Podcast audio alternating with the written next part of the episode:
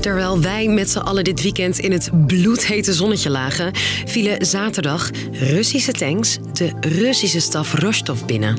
Hè? Het Russische huurlingenleger, de Wagner-groep, keert zich tegen Poetin in een totaal onvoorspelbare 48 uur. Er volgt een opmars naar Moskou.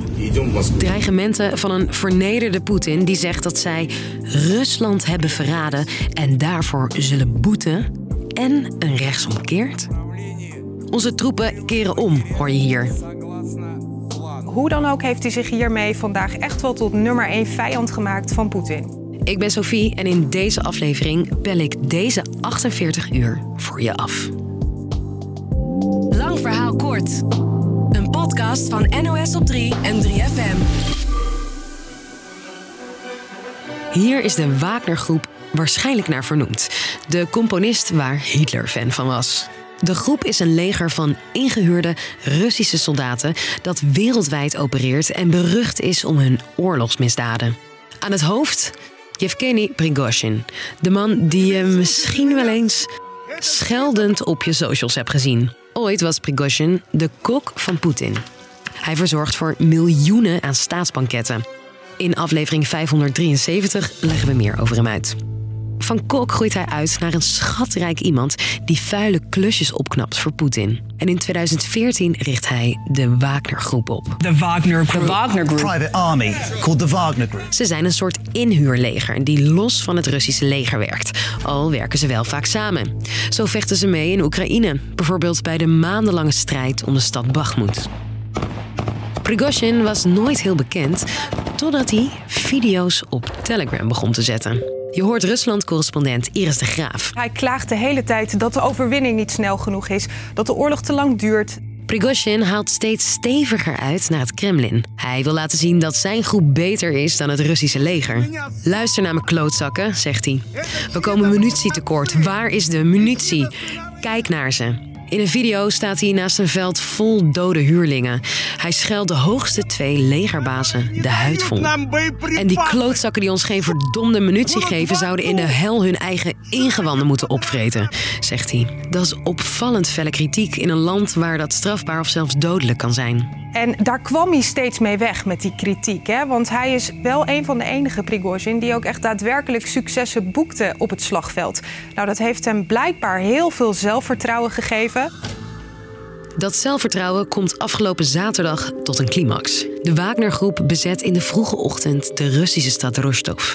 Een belangrijke militaire plek voor de Russen. De Wagner-groep wil praten met de twee hoogste leiders van het Russische leger. Waarom? De oorlog was nodig zodat een handjevol klootzakken een feestje kon hebben en PR-aandacht konden krijgen om te laten zien hoe sterk het leger is, zegt hij. Krijgt hij ze niet te spreken, begint hij aan een opmars naar de hoofdstad Moskou. Poetin reageert ongebruikelijk, namelijk meteen en op tv. Hij zegt in de lens: Degenen die de muiterij hebben georganiseerd en de wapens hebben opgepakt tegen hun strijdmakkers, hebben Rusland verraden en zullen daarvoor boeten. Kort daarop begint Wagners mars naar Moskou. Onderweg klinken explosies. Ik ben zo bang, roept dit kind. Rond half acht 's avonds plaatst Prigozhin op Telegram een voice note. Hij wil geen Russisch bloed laten vloeien, zegt hij. Daarom laten we onze kolonnes omdraaien en gaan we terug, zegt de voice note. Prigozhin maakt afspraken met de legertop en vertrekt naar buurland Belarus. Wat dit voor gevolgen voor hem heeft, dat weten we niet. Poetin heeft wat hij wil, zou je zeggen.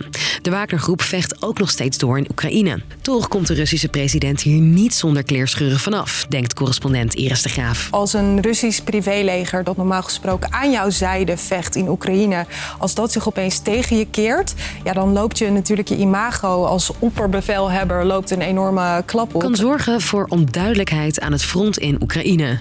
Dat zien ze ook over de grens. De Amerikaanse minister van Buitenlandse Zaken Blinken zegt... I think you've seen cracks uh, emerge that, that weren't there before. Amerika stelt, dit is een binnenlandse kwestie tussen Poetin en Prigozhin. Maar de EU-chef voor Buitenlandse Zaken is niet zo gerust. Hij liet toch wel blijken dat dit ook mogelijk wel degelijk consequenties uh, kan hebben voor uh, de EU. Je hoort EU-correspondent Ardy Stemerding.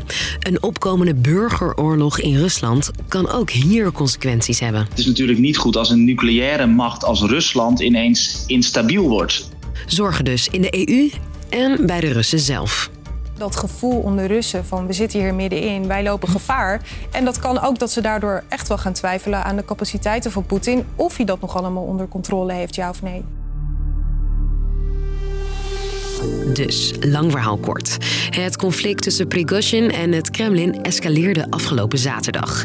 Dat legt Poetins kwetsbaarheid voor het eerst bloot. Niet alleen in Rusland en Oekraïne, maar ook voor de rest van de wereld. Voor nu, dankjewel voor het luisteren. En natuurlijk zijn we er morgen weer rond de klok van 5.